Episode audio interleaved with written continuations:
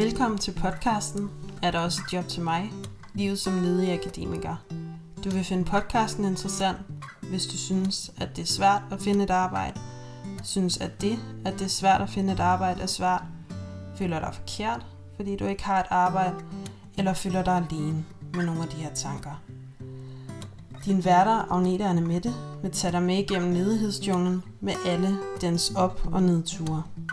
Betragt os som det kærlige kram og klap på skulderen, du trænger til. Velkommen til.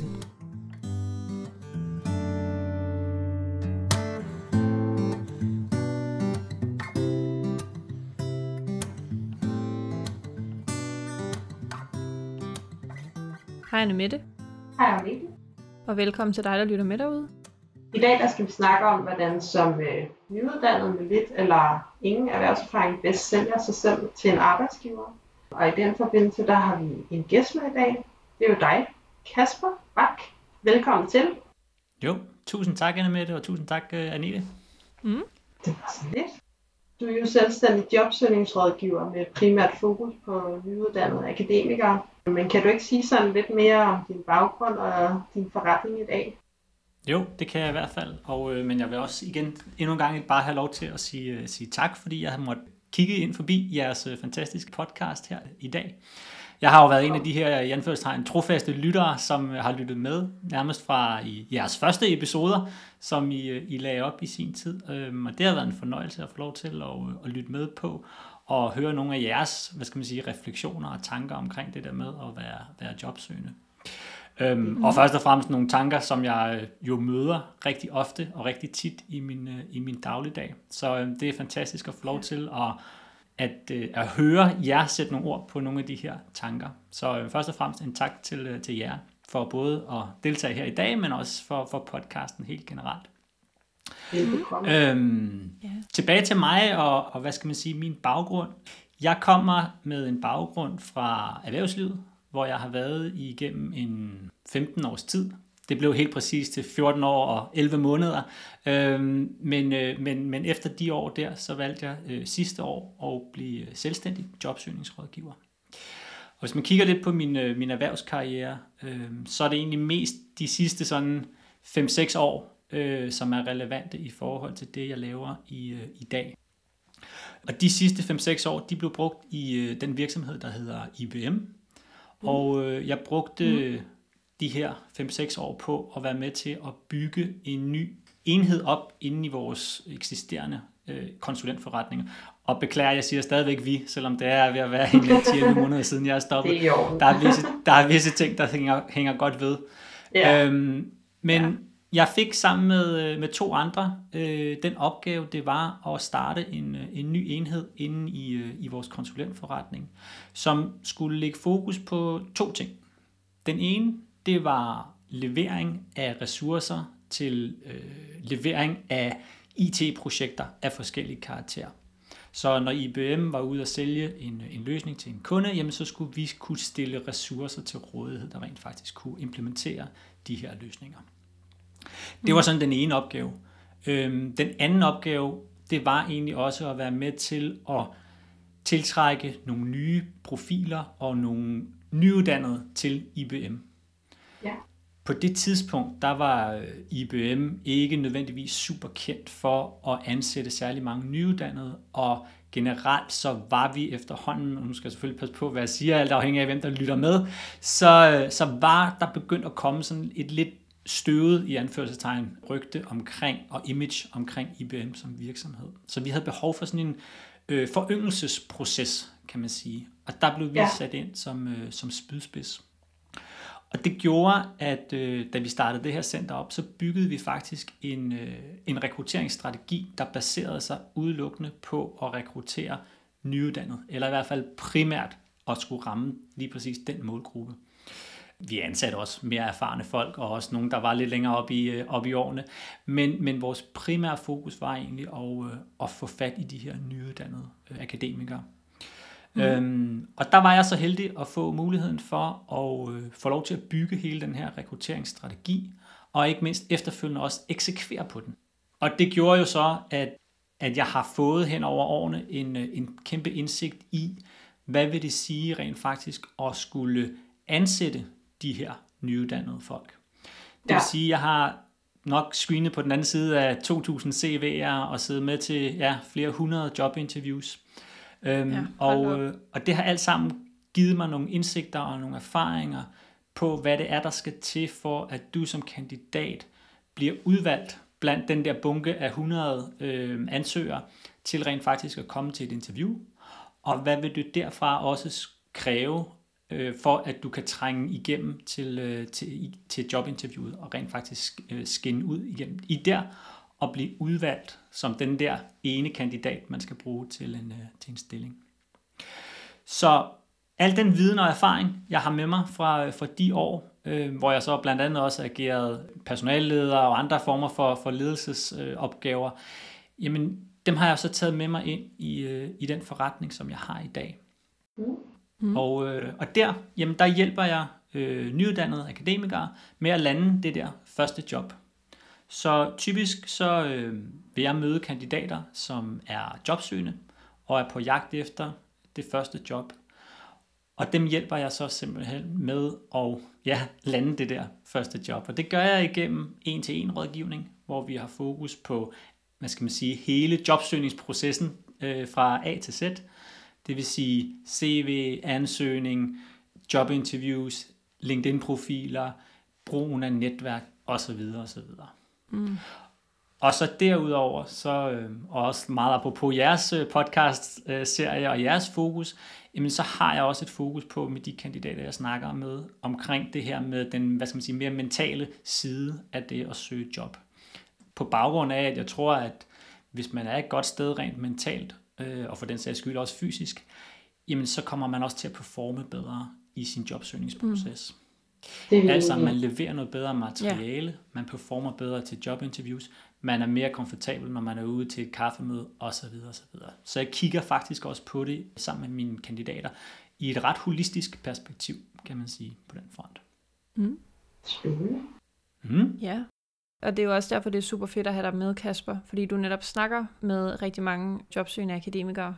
Kan du sætte et ord på, sådan, hvilke generelle udfordringer med jobsøgning, du oplever, at de nyuddannede har? Det kan jeg i hvert fald, eller jeg kan i hvert fald gøre et forsøg. Øhm, mm. Der er jo selvfølgelig hele det her med, at, at der er en manglende erfaring. Altså man har ikke som nyuddannet 5-10 års erfaring med de her forskellige ting, som man skal ud og lave. Og det er noget af det, jeg tænker, vi kommer ind på øh, løbende i forhold til, øh, til, til vores snak nu her senere. Øhm, men det der jo også så er, er, er en vanskelighed, som jeg møder øh, fra, fra de her kandidater, som jeg arbejder med, jamen det er jo så rent faktisk, at når så de har noget erfaring, og det mener jeg oprigtigt, at alle har, hvad end det så er fra studier, det er fra studiejobs, eller det er fra frivillige erfaringer, øh, så er det et spørgsmål om at få i talsatte, øh, få i talsat de her erfaringer på en god måde, og med en god gennemslagskraft. Øhm, og det gælder mm. altså både så på, på skrift, altså i CV og eventuelt en ansøgning, men jo selvfølgelig mindst lige så meget også, når man sidder ude til et øh, jobinterview. Ja. Og så er der jo selvfølgelig sådan noget som imposter-syndromet, som også øh, viser sit grimme ansigt øh, rigtig mange gange, Oh, ja. når man snakker med, øh, med nyuddannede. øhm, Ja. Og det er jo selvfølgelig både i, i ansøgningsfasen og så også i interviewfasen. Ikke? Og faktisk så er det jo også noget, jeg oplever, som egentlig i anførselstegn forfølger rigtig mange, også når de så rent faktisk har landet det første job.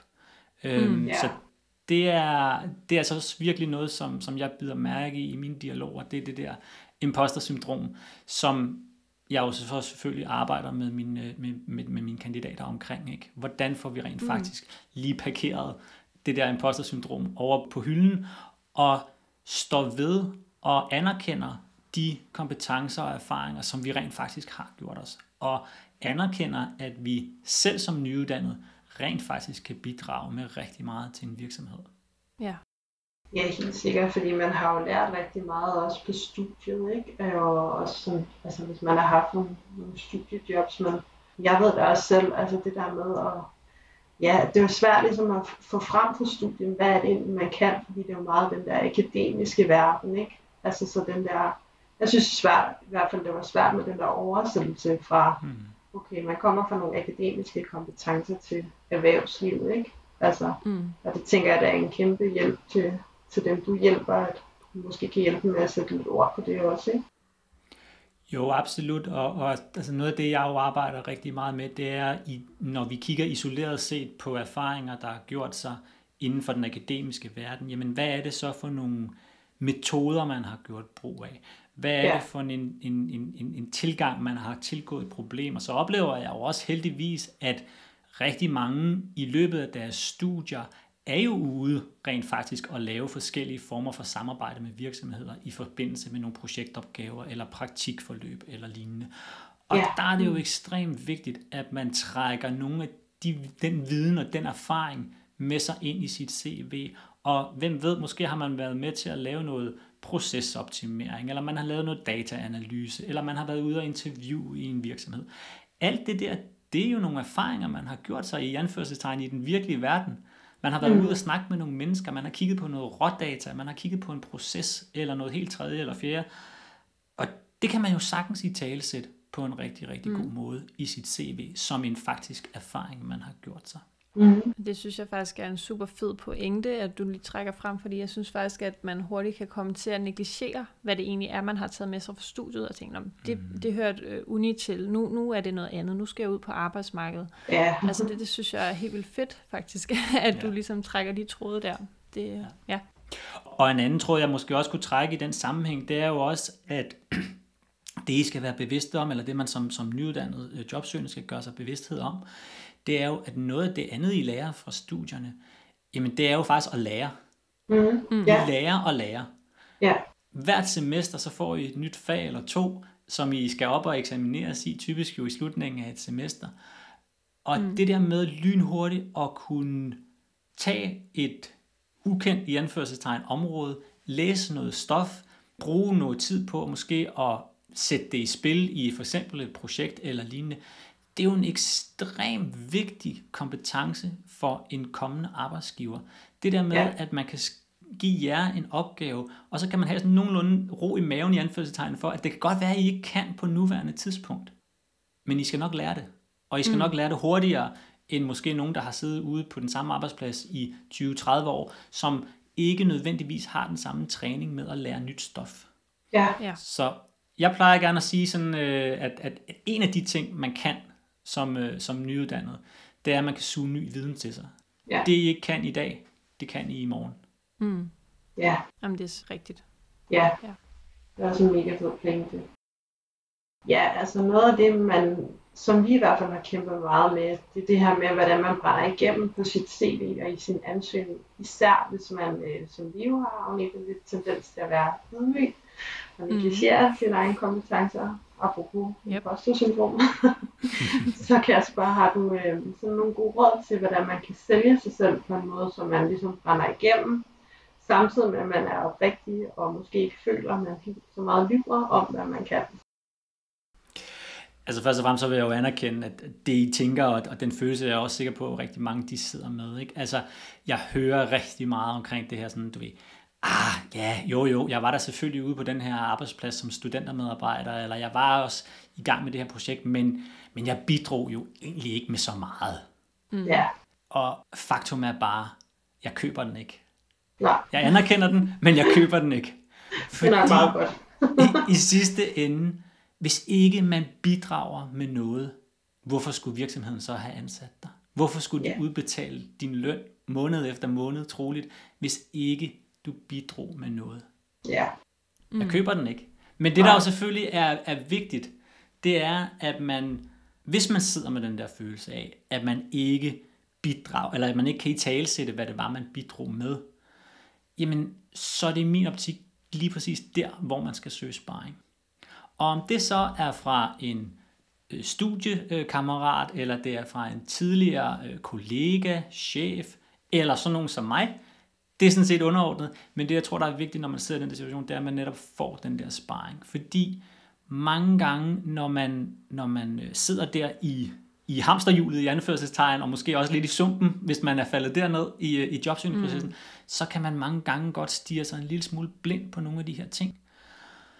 Ja. Så med den rette sparring, så tror jeg mange gange, at man lige kan få gravet lidt i, øh, i overfladen, og så hvis man får i talsat det på en god måde, så begynder man faktisk langsomt og selv også at kunne se, jamen hov, jeg bidrog da egentlig også med det her. Jeg skabte da egentlig også den her værdi. Og så på den måde, så har man langsomt nogle øh, elementer, man kan gå i gang med at bruge til sit CV eller i, øh, i sit interview. Ikke? Jo. Jo. For mig, så, så hvis vi skal blive sådan lidt mere konkret på, hvad, når man så sidder med den der sparringspartner, øhm, mm både hvis man, hvis man ikke nødvendigvis finder en sparringspartner og selv vil prøve det her, eller hvis man skal være sparringspartneren, ikke? så prøv at få i tale så og dykke lidt ned i, men hvad var det rent faktisk, jeg gjorde i den her opgave, som jeg nu har løst for enten en virksomhed eller i et projektsamarbejde. Hvad var det for nogle kompetencer, som jeg satte i spil for at lykkes med det her? Og hvad og, og hvor mange har jeg rent faktisk påvirket ved at løse den her opgave? Og ikke mindst, og den her den er væsentlig og vigtig, og det er rigtig mange, der glemmer den i deres CV, hvad var det for et resultat, som der blev skabt på baggrund mm. af det, jeg gjorde? Ja. Og de her elementer, de kan man jo så tage fat i og koge sammen til nogle gode CV-bullets, eller trække dem frem som, øh, som historier i ens øh, jobinterview lidt senere. Ja, Ej, jeg synes, det er en vild fed pointe, det der med at have en, en sparringspartner, som lidt kan være sådan en øh, ens cheerleader på en eller anden måde, eller mm. sådan en, øh, hvad hedder det, hype man på sidelinjen, fordi man bare er sin egen værste kritiker. Øhm, præcis, men, men præcis. hvem kan den her sparringspartner være? Sådan, øh, hvem tænker du? Jamen, altså, som, som, som nævnt, så tænker jeg, at, at der kan være mange forskellige folk, som reelt set kunne være den her sparringspartner. Altså, mm først og fremmest, så er der jo en mulighed for at, øh, at snakke med en god studiekammerat, øh, som måske øh, enten har fået et job, eller for den sags skyld også sidder og, øh, og kæmper en lille smule med at, øh, at lande det der første job. Men man vil også kunne række ud i min optik sagtens til tidligere kollegaer, som man har haft et godt forhold til, eller for den sags skyld en chef, som man har haft et godt forhold til. Mm. Kære chef, ved du hvad, jeg sidder ved at skulle formulere mit øh, CV øh, og arbejder med hele min ansøgningsproces nu her, eller mit ansøgningsmateriale. Kunne vi ikke lige drikke en kop kaffe, halv time, tre kvarter, hvor vi lige går nogle af mine opgaver igennem, nogle af de ting, som jeg lavede, mens jeg var ansat hos dig, og så sætte, sæt, sæt sig ned med, med chefen der, og så stille og mm. roligt gå de her opgaver igennem. Kære chef, øh, hvad var din opfattelse af, hvad jeg gjorde her? Hvad gjorde jeg godt? Hvad er det for nogle kompetencer, det viser? Og hvad er det for nogle resultater, de her aktiviteter, som jeg lavede, rent faktisk var med til at skabe? Mm. Øhm, så, så, så det, altså, sparringspartnere rundt omkring, ikke? og jo jo, så skal jeg selvfølgelig også nævne mig selv i den sammenhæng, men, men, men som udgangspunkt, så har I faktisk i min optik rigtig mange folk rundt omkring jer, som I sagtens vil kunne spare med. Det, der er vigtigt, det er, at vedkommende ikke bare bliver i anførselen, nu var du selv, nu nævnte du lidt cheerleaderen, da, da, ja. det, det, det er måske i min optik øh, en forkert label at sige på, fordi den her person skal også kunne gå lidt kritisk til dig, og sige, mm. hey, tænk nu lige over det der, eller hvorfor gjorde du sådan, eller hvorfor siger du det, når du siger, som du gør der konstruktiv feedback i anførselstegn yeah. fra, fra den her person, ikke? Øhm, mm. som, som ikke bare er en, der nødvendigvis klapper dig på skulderen altid. Så jeg ved ikke, ens mor er måske ikke det rette sted at gå hen. øhm, men men, Nej, øh, men, men, men ellers, de der folk, som, som kan og tør i anførselstegn også udfordre dig en lille smule, de er de rette personer, ja. hvis ikke du kan komme helt tæt på, hvad skal man sige, kilden, så som en chef eller en tidligere kollega. Ikke? Jo. Mm hvad hedder det, nu sagde du lige det der med resultater, Kasper, ikke? Som mm-hmm. noget af det vigtigste, man skal fremhæve. Og nu er vi jo humanister, øh, så bare sådan, også lidt for, øh, sådan for øh, vores eget nysgerrigheds skyld. Altså, jeg tror bare, jeg har sådan en overbevisning om, at det er lidt sværere, når man er humanist, sådan at komme frem til et resultat, men det er det sikkert ikke. Vel? Altså, hvad man har skabt. Nej, fordi Altså, og igen, uh, Anne Mette, det er jo noget, jeg bestemt jo hører fra, fra rigtig mange også, ikke? at ja. uh, os humanister, vi, vi skaber jo ikke resultater. Uh, mm. og, uh, og, og, og nej, selvfølgelig er, er det jo ikke det samme i anførselstegn, som lad os sige en... Uh, en udvikler, øh, softwareudvikler, der sidder og, og laver et, et produkt i anførselstegn, og man ligesom kan sætte to yeah. streger under, nu virker koden.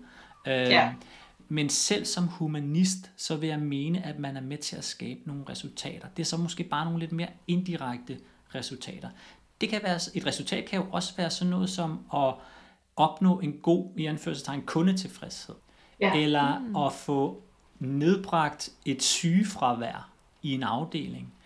Ja. Eller være med til at øge en eksponering af en virksomhed i en eller anden form for kontekst.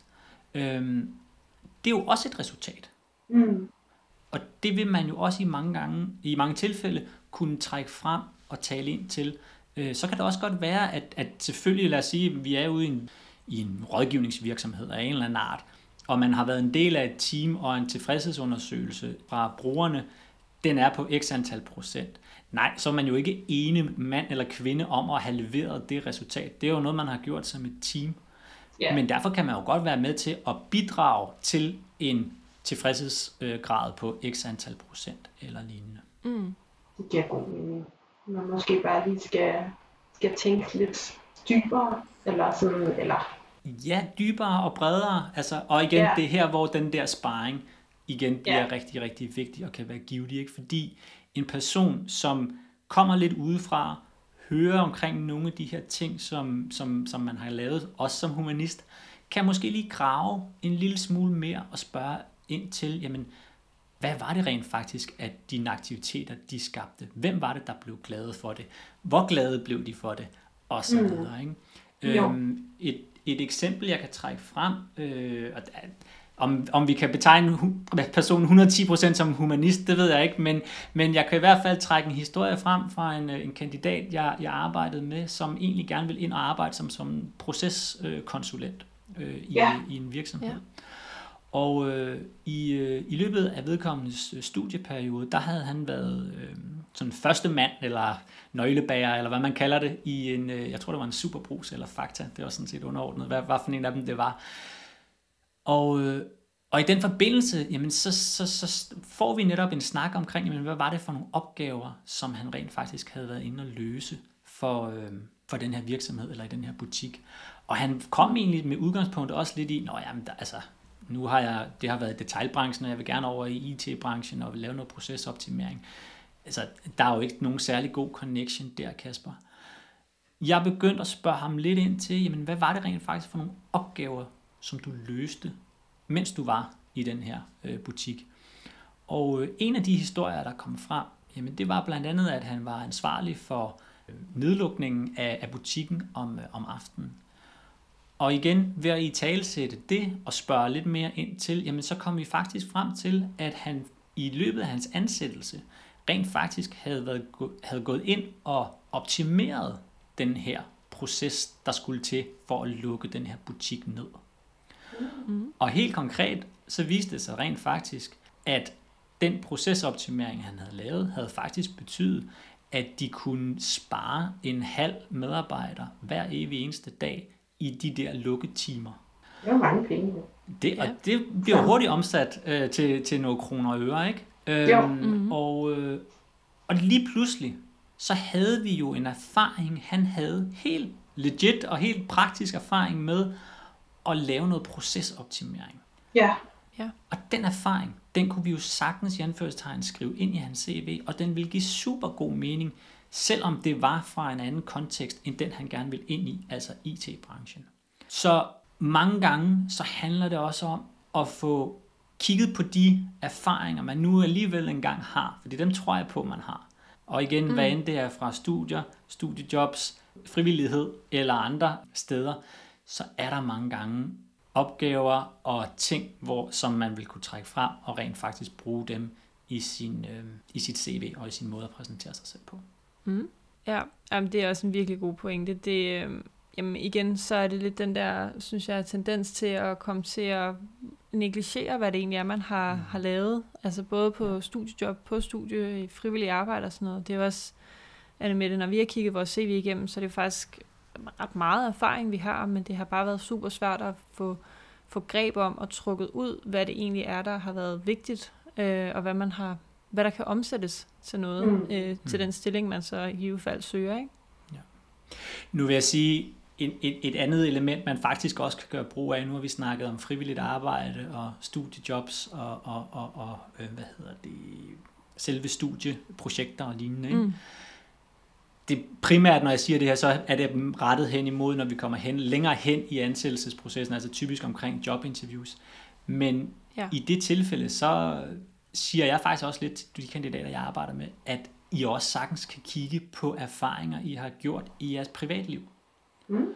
Forstået på den måde, at vi lærer sgu forhåbentlig alle sammen af alle de interaktioner, vi laver. Og som sagt, hvad end det er på studier, eller det studiejob, eller frivilligt arbejde, eller det er i privaten, så vil jeg argumentere for, at vi bør i hvert fald kunne lære fra alle situationer. Jeg havde en, en helt konkret case med en, øh, med en kandidat, som jeg arbejdede med på et tidspunkt, som vi kørte noget interviewtræning med, eller jeg kørte noget interviewtræning med hende, og, øh, og jeg spurgte ind til, om hun havde, om hun havde oplevet en episode, hvor hun havde skulle overbevise en modpart om et eller andet. Mm. Og øh, det hun bragte frem, det var egentlig den gang, hvor hun skulle overbevise sin far om, at det her med at flytte til Danmark, hun var fra Spanien, det var rent faktisk en god idé. Hun fik i talsat det efter lidt, uh, lidt sparring med mig på en sådan måde, der gjorde, at hun rent faktisk kunne i talsætte, at hun havde mødt modparten, i det her tilfælde hendes far, havde fået en forståelse for, hvor det var, han kom fra, når han havde de her øh, reservationer, kan man sige, i forhold til, at hun skulle flytte til, mm. øh, til, til Danmark. Og så også, at hun så på den baggrund kunne tilpasse sin kommunikation til ham. Ja. Mm-hmm. Og prøv at høre, det der, det er jo lige præcis noget, som rigtig mange vil møde ude på en arbejdsplads.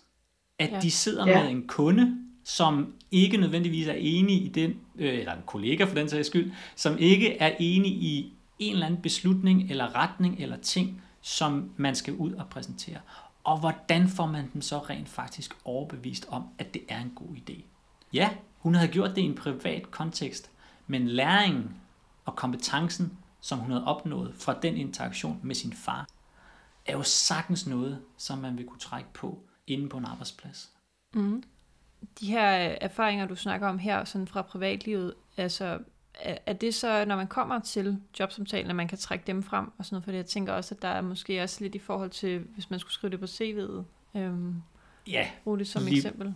Ja, ja jamen, lige præcis. Altså det er ting, når jeg siger de her ting i forhold til privatsfæren, kan man sige, så er det på jobinterview-niveauet, kan man sige, ikke? eller når vi er mm. nået hen til det stadie.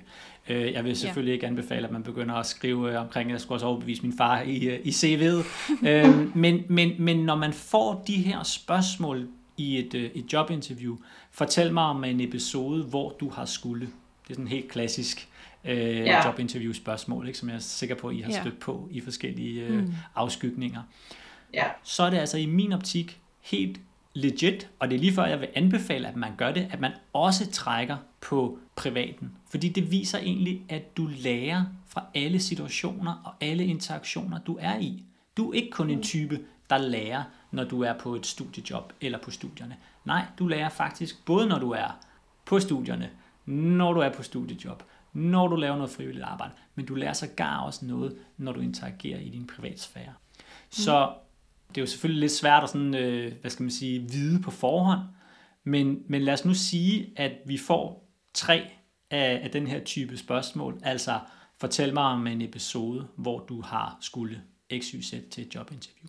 Så anbefaler jeg faktisk, at man prøver at trække fra en episode fra sit studie, en episode fra sit studiejob og en episode fra sin privatliv. For på den måde igen at vise den der rundede person, der rent faktisk lærer fra alle interaktioner i ens liv. Ja, altså sådan, man er meget alsidig, eller sådan... Ja, også mere tilbage til, jeg ved ikke om det altid er det rette ord i mit hoved, men, men mere i forhold til, at man lærer. Mm. At man er et lærende menneske, og det er ikke kun afgrænset til en specifik, hvad skal man sige, timeslot i sin, øh, i sin hverdag, men at man rent faktisk suger til sig af viden og erfaring igennem mm. alle døgnets 24 timer. Med undtagelse, ja. når man lige sover, selvfølgelig. Ja.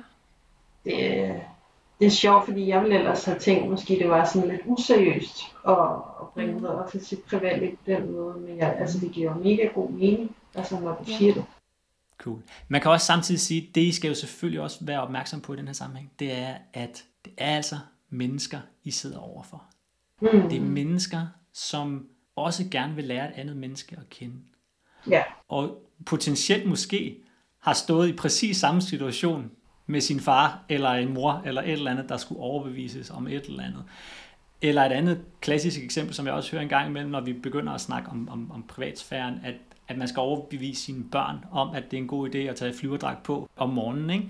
Mange Mm. gange så har dem, der interviewer, jeg jo rent faktisk stået i de her situationer selv også. Mm. Og på den måde, så får man bygget en relation og en connection til den, man interviewer, ved faktisk at bringe sådan nogle episoder derfra. Jeg synes ikke, det gør noget. Man skal selvfølgelig gøre det doseret, og man skal ikke, du ved, hver gang jeg stiller et, kan du fortælle mig om en episode, så trække et eller andet fra sin privatsfære. Men Nej. den der afvekslende imellem at, at, at tage noget fra forskellige steder af ens liv, hvad end det er fagligt, hvad skal man sige, øh, jobmæssigt, eller det er noget frivilligmæssigt, eller det er privat. Det synes jeg giver en rigtig god dynamik i en samtale, og viser igen et rundet menneske. Det giver god mening. Det er så god Mhm. mening. Ja, altså nu har du, som jeg også har nævnt, Kasper, siddet på den anden side af bordet, da du selv var med til at rekruttere. Kan du sige sådan lidt mere om, hvad der bliver lagt vægt på, når man rekrutterer nyuddannede? Ja, altså man kan jo selvfølgelig sige, at når vi modtager et CV, og eventuelt med en supplerende ansøgning, altså så er der jo ingen tvivl om, at så er der jo en fokus på de fagligheder, man har. Altså hvad er det for nogle kompetencer, man bringer med sig fra studierne eller fra øh, studiejobs. Ja. Men når det så er sagt, og når den selektion så er lavet, så er det ekstremt vigtigt for alle jobsøgende, det er faktisk ikke kun nyuddannede, det er at have en, et fokus på og en bevidsthed om, at i takt med, at vi kommer længere og længere hen i en rekrutteringsproces, så bliver personlighed faktisk vigtigere og vigtigere. Og de bliver også vigtigere end faglige kompetencer faktisk. Rekrutteringsfirmaet, skråstrej outplacementbyrået øh, Ballisager, som I måske kender, de laver hvert år en, øh, en analyse, hvor de er ude og spørge, jeg tror sådan noget 4.000 rekrutteringsmedarbejdere rundt omkring i Danmark om forskellige spørgsmål. Ja. Og, og, og en af de øh, en af de findings, som de kom med i, øh, i 22, det var faktisk, at den endelige ansættelsesbeslutning, den baserer sig typisk på 80% personlighed og kun 20% faglighed. Wow. Det er alligevel vildt. Det er ret vildt at tænke på. Og det betyder, at i rekrutteringsprocessen fra A til Z, altså fra I sender ansøgningen til I rent faktisk får et jobtilbud, der vil der være en nedadgående kurve i forhold til vigtighed af faglige kompetencer, og der vil være en opadgående kurve i forhold til personlighed. Ja. Så det skal man jo selvfølgelig have sig for øje, når man sætter sig ned i det der, øh, den der jobinterviewstol, at nu er det altså vigtigt, at jeg ikke i anførselstegn bliver bekymret for, at nu går de kun efter min faglighed. Nu skal de prøve at finde alle hullerne i, øh, i osten øh, i forhold til, hvad jeg kan. Nej, det er vigtigt, at jeg skinner igennem som person. At de kan se mit potentiale i forhold til at udvikle mig, og at jeg har en personlighed, som vil passe ind i den her virksomhed og det her team, som jeg skal til at indgå i. Det er en kæmpe faktor, som jeg desværre også oplever mange, de ligesom øh, overser eller glemmer i den der iver efter at vise de der kompetencer, som man rent faktisk har. Øhm, Ja. Personlighed, mm. den betyder så sindssygt meget i, øh, i de senere faser af et, øh, af et jobinterview og en ansættelsesproces. Altså måske også vigtigt lige at tilføje, at hvis man ikke når igennem nåløjet og bliver ansat, så er det ikke fordi, man har en dårlig personlighed. God pointe, Agnete. Rigtig god pointe.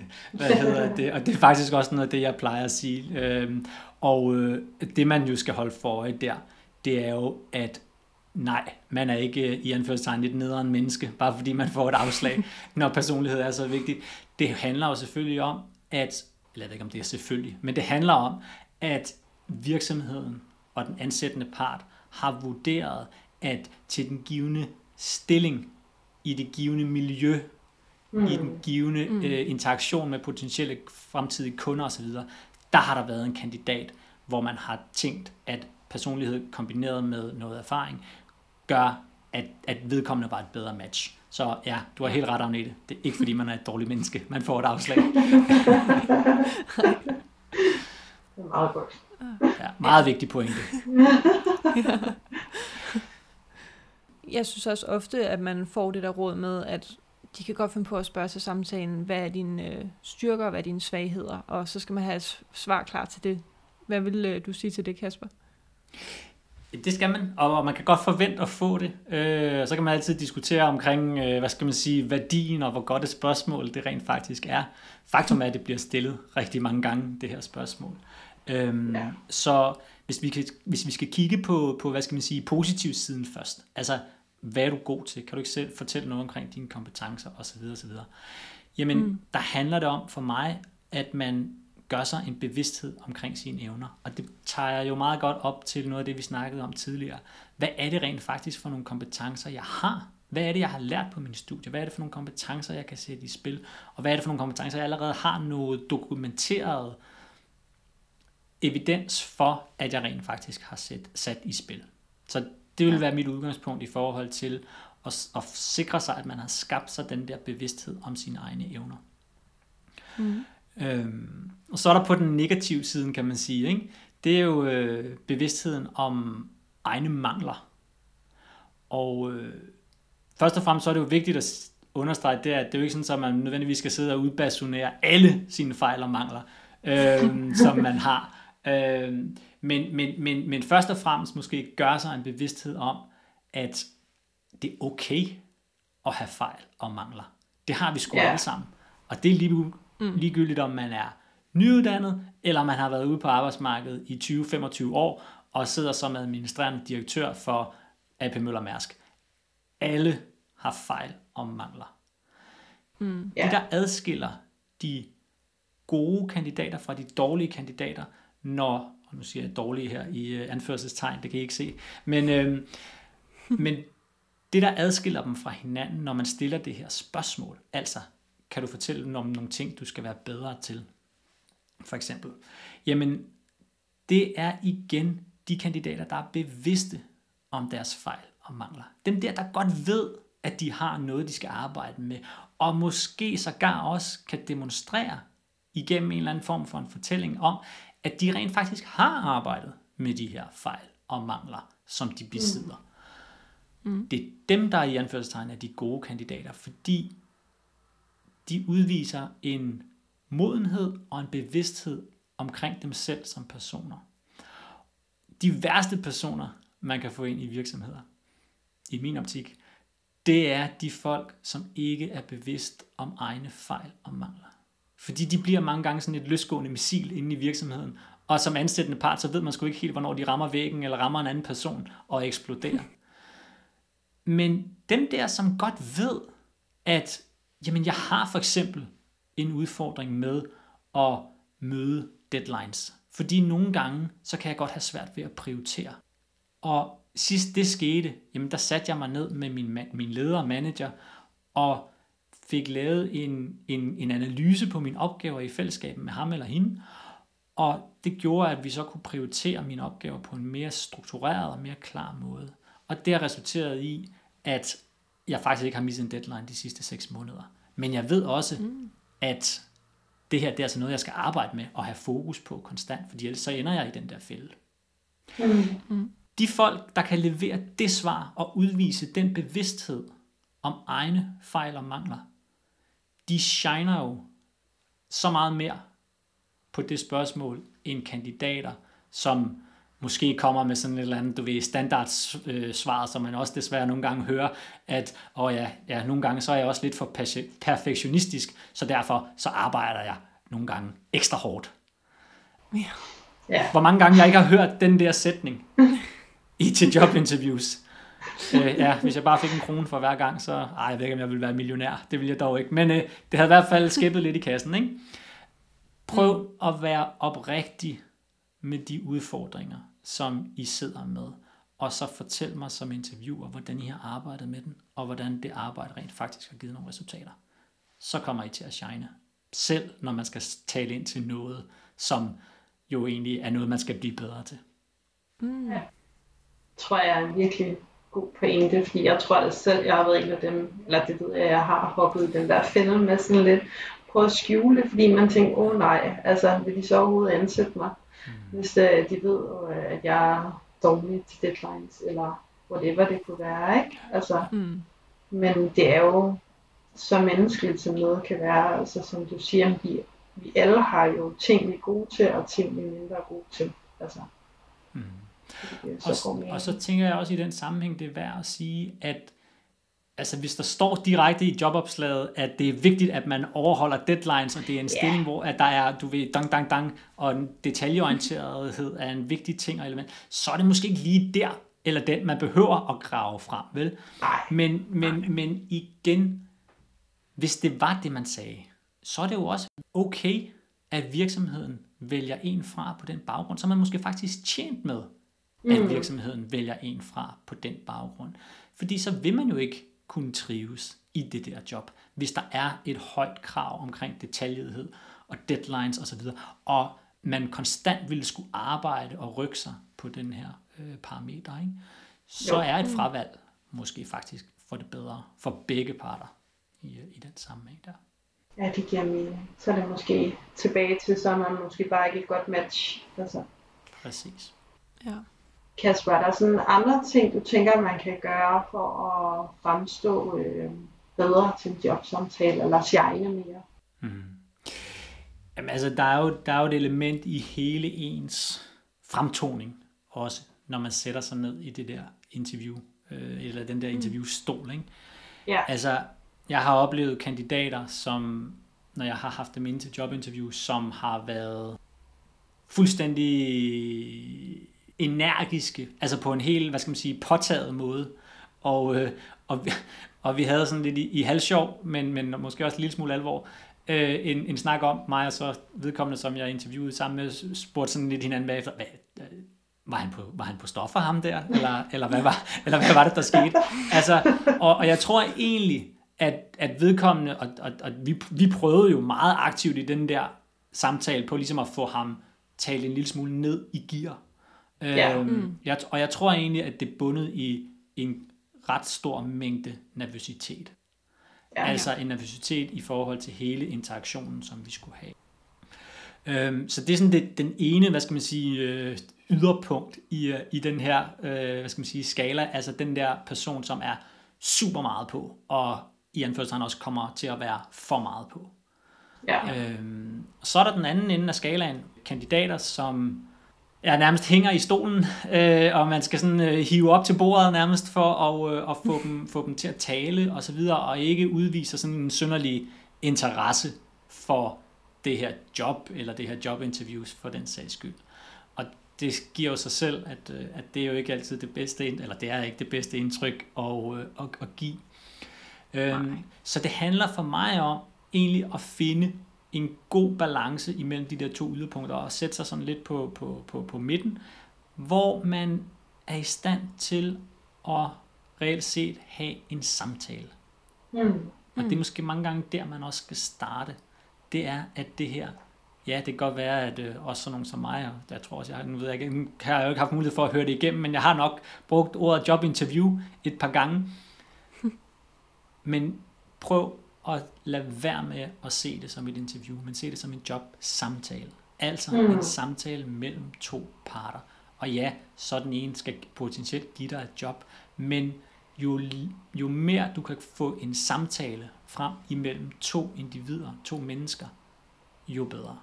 Mm. Fordi så tror jeg på, mm. at man bedre rammer den der balance øh, imellem at være super hyped og være alt for casual øh, i, øh, i interviewsammenhæng. Jamen, det giver super god mening. Altså, jeg tror også, noget af det, jeg har fundet af, men når vi har siddet og talt om, om så mange forskellige emner her i podcasten, det er jo, det kommer meget tilbage til det der med at tage sin power lidt hjem. Og så måske ja. også tænke sådan over, man skal jo også se, om det er et job for en. Altså, hvor det, jeg kan huske, at jeg var helt nyuddannet, og var meget sådan, om jeg skal bare have det der job. Nu sådan endelig lidt gå ind med det og være lidt kritisk og tænke, jamen, er det et job for mig?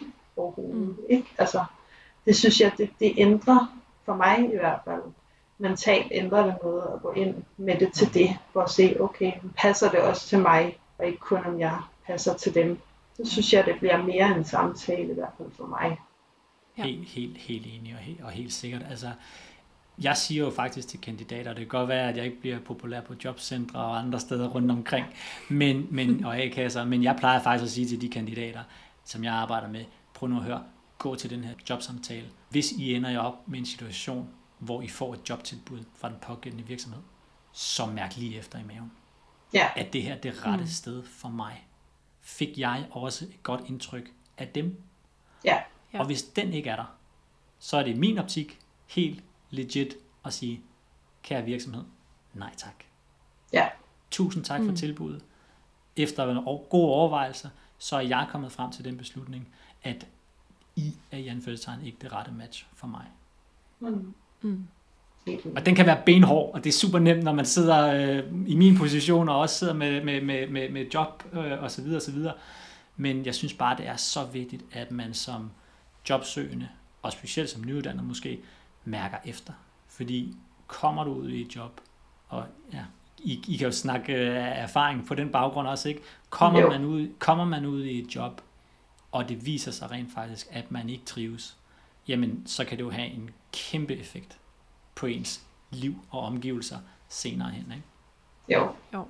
Jamen helt sikkert. Jeg tror også nogle gange, jeg har været lidt, lidt blind for øh, nogle advarselslamper til mm. en samtale, fordi jeg bare var så opsat på, nu skal jeg bare have det her job, og jeg skal bare sælge mig selv, og fordi jeg, jeg gider ikke at sidde en dag mere øh, på, mm. i det her dagpengesystem. Ikke? Øh, ja.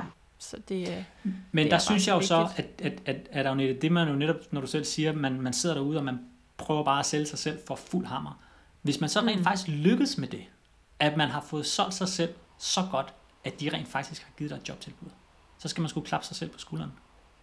Mm. Og sige, jeg gjorde det fandme. Jeg ja. kunne godt det her. Jeg har virkelig fået solgt mig godt over for en arbejdsgiver. Og så skal man have en lille smule ro i at sige, hvis jeg har gjort det en gang, så kan jeg sgu også godt gøre det igen. Ja.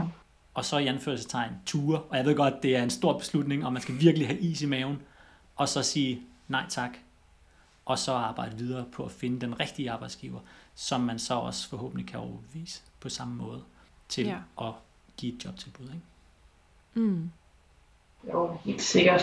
Altså, fordi der er jo faktisk noget forskning, der viser, at, at hvis det går grueligt galt med ens første job, som du siger, så, så kan det have, have stor betydning. Og det, altså det havde det jo også for mig. Altså jeg kom i hvert fald ud med nogle ar på, på selvtilliden. Mm. Altså efterfølgende, mm. ikke?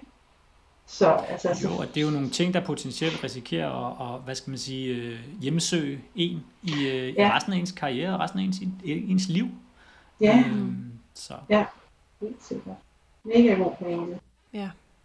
For at vende lidt tilbage til det her med, at når man er som nyuddannet og har svært ved at få øje på, hvad det er for noget erfaring, man kan trække frem og sådan noget, Kasper, så er det noget med, at du har nogle modeller, øh, man kan bruge, så det bliver lidt, lidt klarere for en. Vil du sige noget om det? Ja, det kan jeg i hvert fald. Altså man kan sige, der findes jo en, øh, en hulens masse modeller derude, øh, øh, udviklet af forskellige konsulenter som mig, og øh, A-kasser og andre steder, øh, både på internationalt og, og, og lokalt dansk niveau.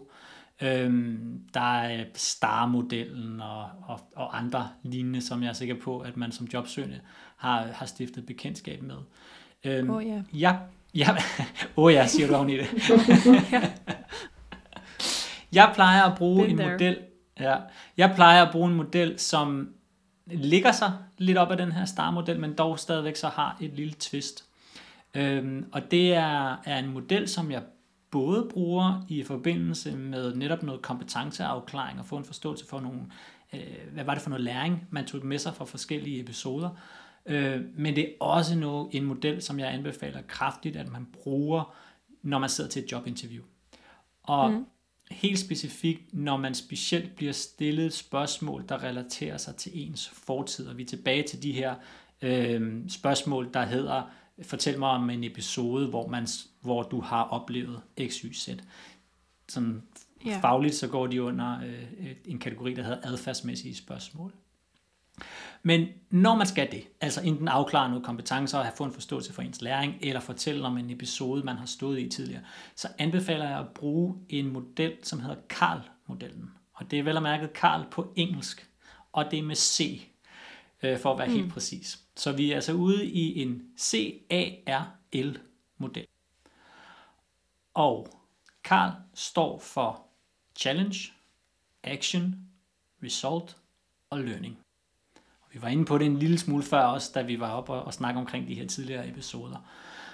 Mm. Men hvis man benytter den model til at tilgå sine erfaringer, så vil man også mange gange være i stand til bedre at kunne artikulere, hvad det rent faktisk er for nogle kompetencer, man, øh, man har, og hvad er det for nogle læringer, man har sat i, i spil derfra. Hvis vi lige prøver at tage den sådan step by step. C'et, det står som sagt for challenge. Altså, hvad er det for en udfordring, man står overfor i den givende situation? Ja. A'et står så for action, og, øh, og det er jo så, hvad er det for en aktion, man rent faktisk tog i den givende situation. Mm. Så kommer vi til R'et, som står for result. Det er så, hvad er det for et resultat, den her aktion, man har lavet, rent faktisk udmyndtet sig i. Mm. Og så er der mange kandidater, der stopper her, oplever jeg desværre, når jeg har siddet til interview. Jeg får nogle af de her historier sådan på forskellige niveauer, i forskellige rækkefølge osv.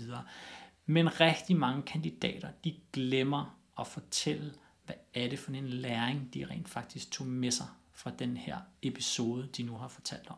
Mm. Og det er super ærgerligt i min optik, fordi det er jo lige præcis det, der i mange tilfælde er det vigtige for en kommende arbejdsgiver. Hvad er det for en læring, som du tog med dig med fra den øh, episode, du har stået i, som du vil tage med dig ind i min virksomhed? Et eller andet sted er jeg jo lidt i anførselstegn lige glad med selve episoden, fordi det er noget, der er sket i fortiden.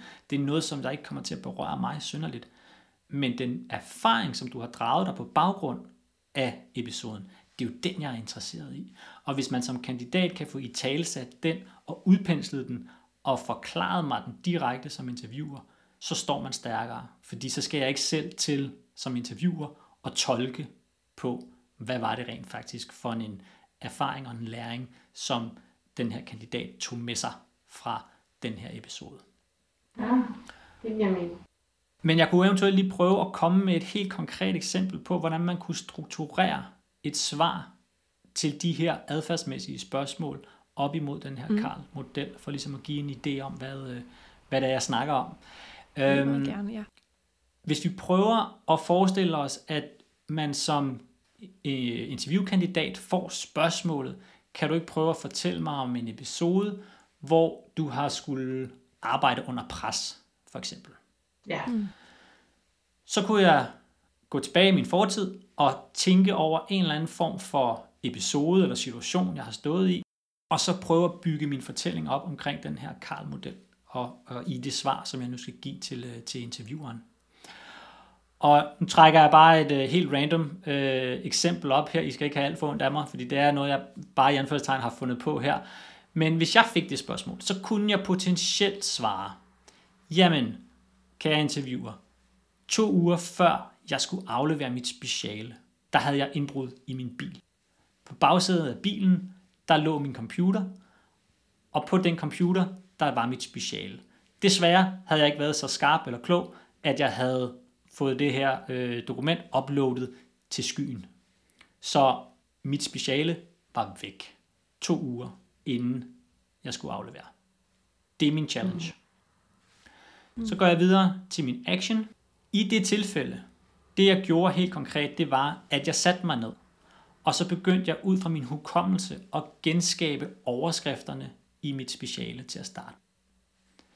Derfra gik jeg i gang med så at genskabe under overskrifterne i mit speciale, hvorfra jeg så til sidst gik i gang med langsomt at fylde de her underafsnit øh, ud med et faktisk tekst. Sikkert arbejde. Det, det lyder som et hårdt arbejde, ikke? Øhm, hvad, hvad hedder det? Det gjorde, og nu kommer vi til resultatet, det gjorde, at jeg langsomt begyndte at få genskabt mit speciale. Det blev ikke en til en i forhold til, hvad jeg, fik, øh, hvad jeg oprindeligt havde skrevet, men dog fik jeg faktisk på to uger genskabt mit speciale i en sådan stand, at jeg rent faktisk var i stand til at aflevere det, og faktisk også få en rigtig god karakter. Mm. Så har jeg mit resultat. Så vil jeg jo rigtig gerne runde den her historie af med, hvad er det for en læring, jeg tager med mig? Fordi det er den, jeg tager med mig ind hos den kommende arbejdsgiver. Ikke at jeg har været i anførselstegn kvej og gemme, glemme og, og gemme mit øh, speciale op i skyen. Så den læring, jeg tager med mig fra den episode, det er, at hvis jeg for eksempel kommer under pres, så kan jeg, hvis jeg sætter mig ned og arbejder struktureret med en opgave, så kommer jeg faktisk i mål, til trods for, at det godt kan virke væsentligt uoverskueligt til at starte med. Ja. Så har du lige pludselig en læring og en kompetence. Jeg kan arbejde under pres mm. på en struktureret måde, som du kan tage med dig ind i den her kommende virksomhed. Det er interessant for en arbejdsgiver Ja. at have sådan en medarbejder, der kan det. Og så er det lige meget, om man har fem års erfaring, eller man kommer direkte fra studierne, eller for den sags skyld 20 år. Det giver rigtig god mening. Mega fed måde at, ligesom at, at gøre det spiseligt på, den her model. Fordi jeg kan godt mærke, at jeg nogle gange har sådan stylet lidt over det her. Sådan, og så er der Stark-modellen og sådan noget. Ja. Altså, jeg ved, jeg ved ikke, hvad jeg har lavet, og jeg kan ikke sætte ord på det. Og sådan, det, det men, jeg, men- synes, øh, ja. jeg synes, det giver god mening, den måde, du stiller det op på. Cool. Men det, der også er vigtigt at sige i den der sammenhæng, når du netop siger, sådan, øh, at, at, at den der star-model og andre modeller, den hænger der ud af halsen, det kan jeg først og fremmest godt forstå. Øh, men, men det tror jeg også godt, at Karl-modellen nogle gange vil kunne gøre for folk, hvis de sidder med det meget alene og meget isoleret. Mm. Det er lige præcis her, hvor at den gode samtalepartner skal komme til, eller komme til og komme på banen, fordi Ja. de skal jo netop kunne tage dig igennem sådan en af de her modeller, om det så er Star-modellen eller Karl-modellen.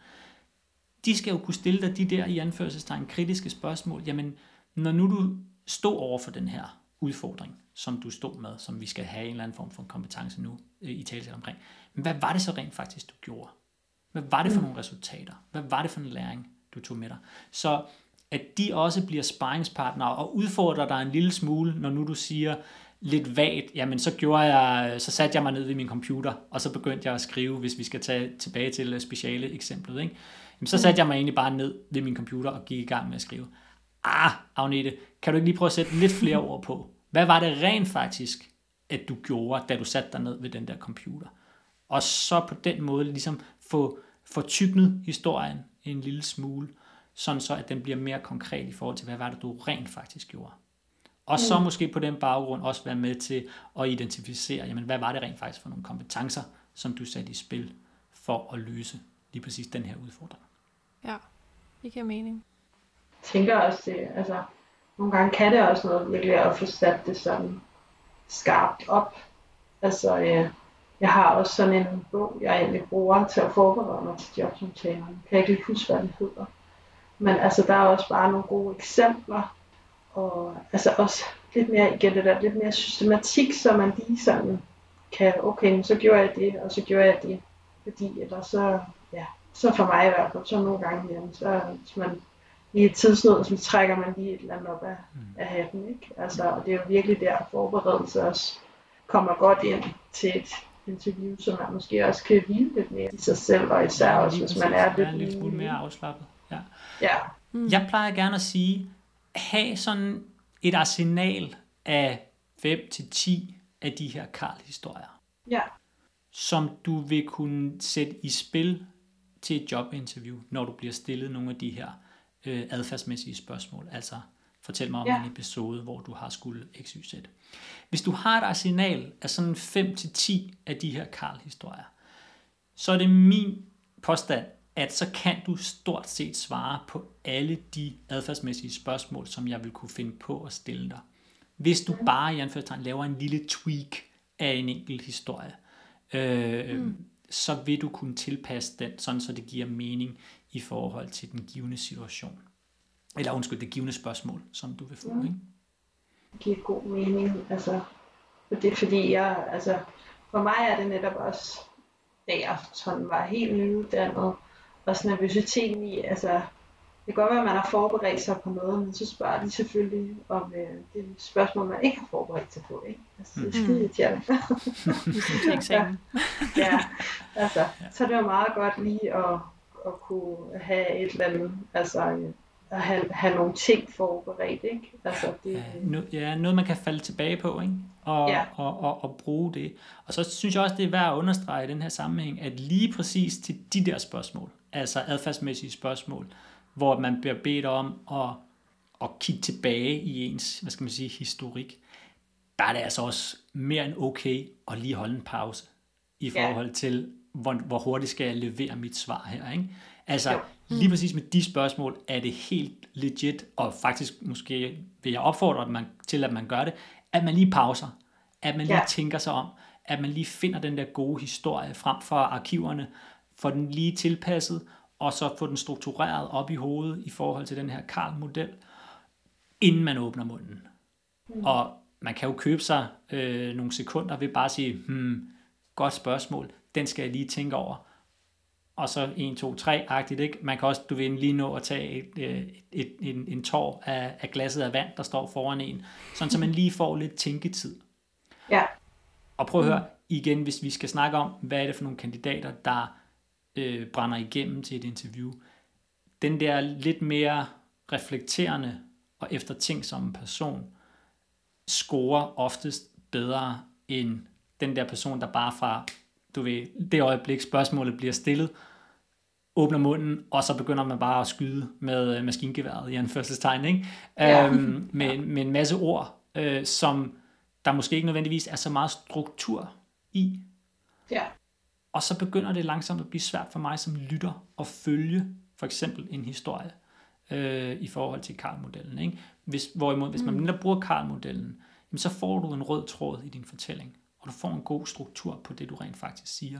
Og hvis du så også kan bruge den måske to til tre gange, så begynder intervieweren også at lure din struktur i dine svar, og kan nemt følge med i din fortælling. det giver super god mening. Jeg tænkte sådan, øh, her på falderæbet, Kasper, nu har du jo, som vi har snakket om, siddet i rekrutteringsstolen og snakket med rigtig, rigtig mange kandidater. Øhm, og jeg tror ikke, at vi er alene med det om den her følelse af, at man godt kan blive ret nervøs til, mm. Mhm. til samtalen. Har du nogle råd til, hvad man kan gøre for at, at dulme den her nervøsitet på en eller anden måde? Ja, altså man kan sige, først og fremmest så tror jeg, det er, så tror jeg, vi skal gøre os bevidsthed, en bevidsthed om, at vi kommer ikke til at fjerne den der nervøsitet. Nej. Og, og jeg tror faktisk, det er godt, at vi har den, fordi jeg tror, at det er noget af det, der gør, at vi så netop ikke bare falder tilbage i stolen og er, er alt for afslappet. Men det er også klart, Ja. at den må heller ikke tippe over, sådan så den bliver en hemsko for vores præstation, den her nervøsitet. Så det med at finde balancen, det skal sgu kilde lidt i maven, når man går til et jobinterview. Det, det, det tror mm. jeg er, er sundt. Lidt ligesom når man skal til en eksamen. Der er det også okay, i min optik i hvert fald, at det kilder en lille smule i maven, og man er en lille smule nervøs. Men det må selvfølgelig ja. ikke hæmme. Der er sådan nogle forskellige ting, som jeg tænker, øh, der vil være værd at, at gøre sig nogle overvejelser omkring i, i den her sammenhæng.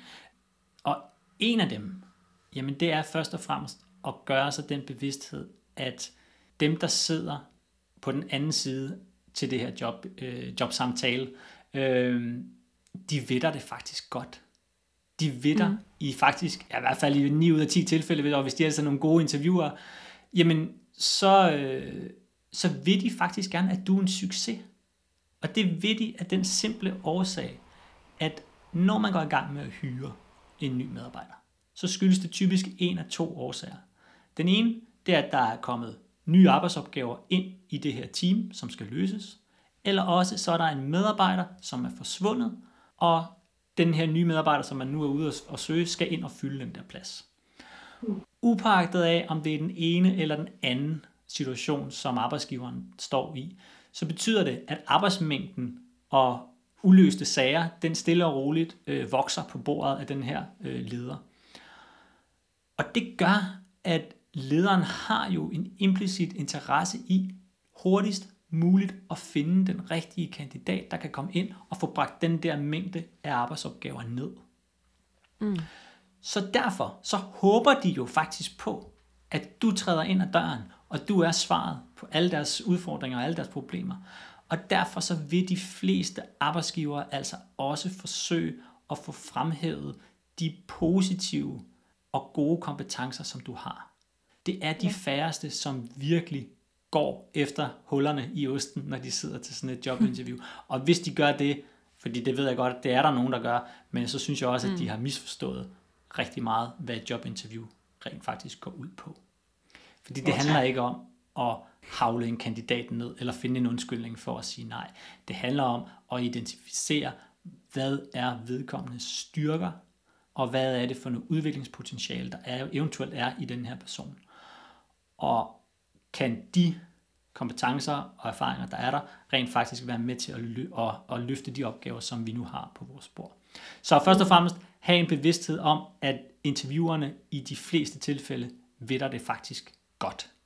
Mm. På lige fod, når man går til en eksamen. Sensor og lærer, de vil egentlig også gerne give jer en rigtig god karakter, når I sætter jer mm. i den der øh, øh, eksamensstol. Så har vi været lidt inde på det her med øh, personlighed, at det er vigtigt frem for kompetencerne.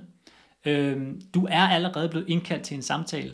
Det vil sige, at de har allerede til dels sat checkmarks ud fra de kompetencer, som du har i forhold til det, de har set på CV'et. Så fokus på, mm. på, på personligheden. Og så synes jeg også slutligt, det er værd at, at nævne, at når man går i gang med at rekruttere, og man indkalder en nyuddannet, jamen så ved man jo godt, at her kommer der jo ikke en ind ad døren med 20 års erfaring.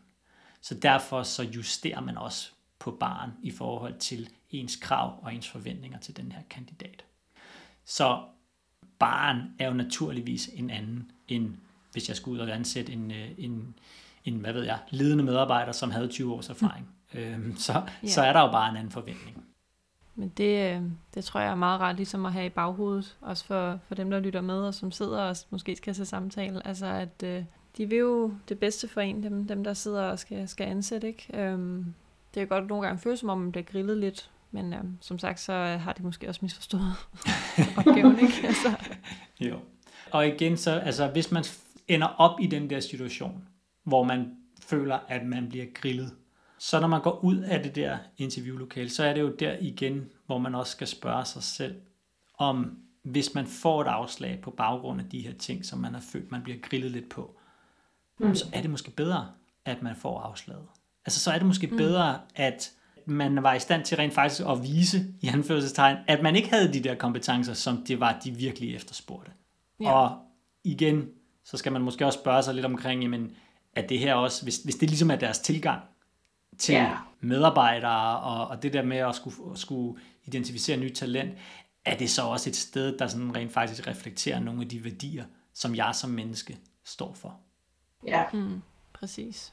Ja, det tror jeg er super vigtigt. Altså, fordi arbejdsmiljø og trivsel betyder jo virkelig, virkelig meget. Ikke? Altså, mm. det gør det virkelig. Ja, så øh, jeg tænker, at budskabet for i dag, det må være det her med, at øh, selvom man er humanist eller generalist, eller hvad vi skal kalde det, så, og til så har man altså noget. Ja. Og til med nyuddannet, så har man altså virkelig noget at byde ind med, og ja, tænker jeg, lad være med at være så ydmyg. Vi kan fandme noget. det kan I. Det kan I helt sikkert. Jeg tror, det handler lidt netop om, som vi har været inde på, at få i talsat det, og få mm. det de her fortællinger, få dem fortyknet, og egentlig lægge noget fokus på, jamen, hvad var det for en læring, og hvad var det for en kompetence, som jeg sagde i spil, i lige præcis den præcis. her situationer. Og så spar med hinanden. Spar, spar, spar. Øh, mm, ja. Altså ikke spare på pengene, men, men, men have noget sparring med, øh, med, med, med andre udefrakommende. Fordi som du lidt, selv lidt var inde på, Agnete, på et tidspunkt, ikke? hvis man sidder i sin egen lille boble og kigger på den der forbandede starmodel eller Karl for den sags skyld, ja. så kan det altså godt blive en ret op ad bakke proces. Mm. Men har man en mulighed for at hente noget inspiration, hente noget sparring, have en eller anden samarbejdspartner, der kan stille de der som lidt udfordrende spørgsmål, eller den der sparringspartner, som kan grave lidt i overfladen sammen med en, så tror jeg, at den der proces, den bliver meget nemmere i forhold til at få identificeret sine kompetencer og sine erfaringer. Og når man så har det på plads, så er det også langt nemmere at artikulere ind til et jobinterview, eller for den sags skyld på mm. skrift mm. i, et, uh, i et CV. Mm. Ja, men helt enig. Helt enig. Så gode pointer, Kasper.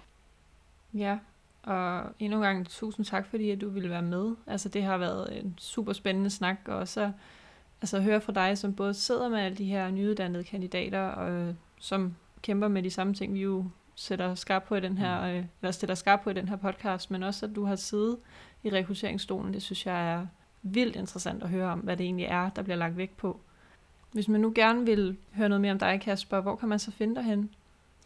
Jamen, så kan man først og fremmest, øh, og det er man jo meget, meget velkommen til, række ud til mig på LinkedIn, og øh, der er jeg altid åben for en, øh, en connection request. Husk lige at nævne, hvorfor I gerne vil connecte med mig, og eventuelt, at I har hørt mig her i podcasten. Det kunne også være meget interessant at, at se, hvor mange connection requests vi kunne få på den baggrund. Men ja. LinkedIn, der er jeg meget aktiv inde. Jeg har en, i hvert fald forsøger jeg at komme med et, et godt tip hver uge til, øh, til mm. jobsøgning af alle mulige forskellige karakterer. Jeg kører også forskellige former for afstemninger blandt rekrutteringsfolk øhm, mm. på, øh, på LinkedIn, der også giver nogle rigtig spændende indsigter. Så øh, ræk ud på, øh, på, på LinkedIn først og fremmest. Øh, derudover så er man selvfølgelig også altid velkommen til at kigge på min hjemmeside www.kasper-bak, og det er Kasper med K, og så er det bach.dk. Øhm, der kan man finde mig og læse lidt mere omkring mine ydelser, som jeg hjælper øh, nyuddannede med. Og sidst men ikke mindst, så har jeg også faktisk en TikTok-profil, øh, hvor jeg... Øh, Gerne.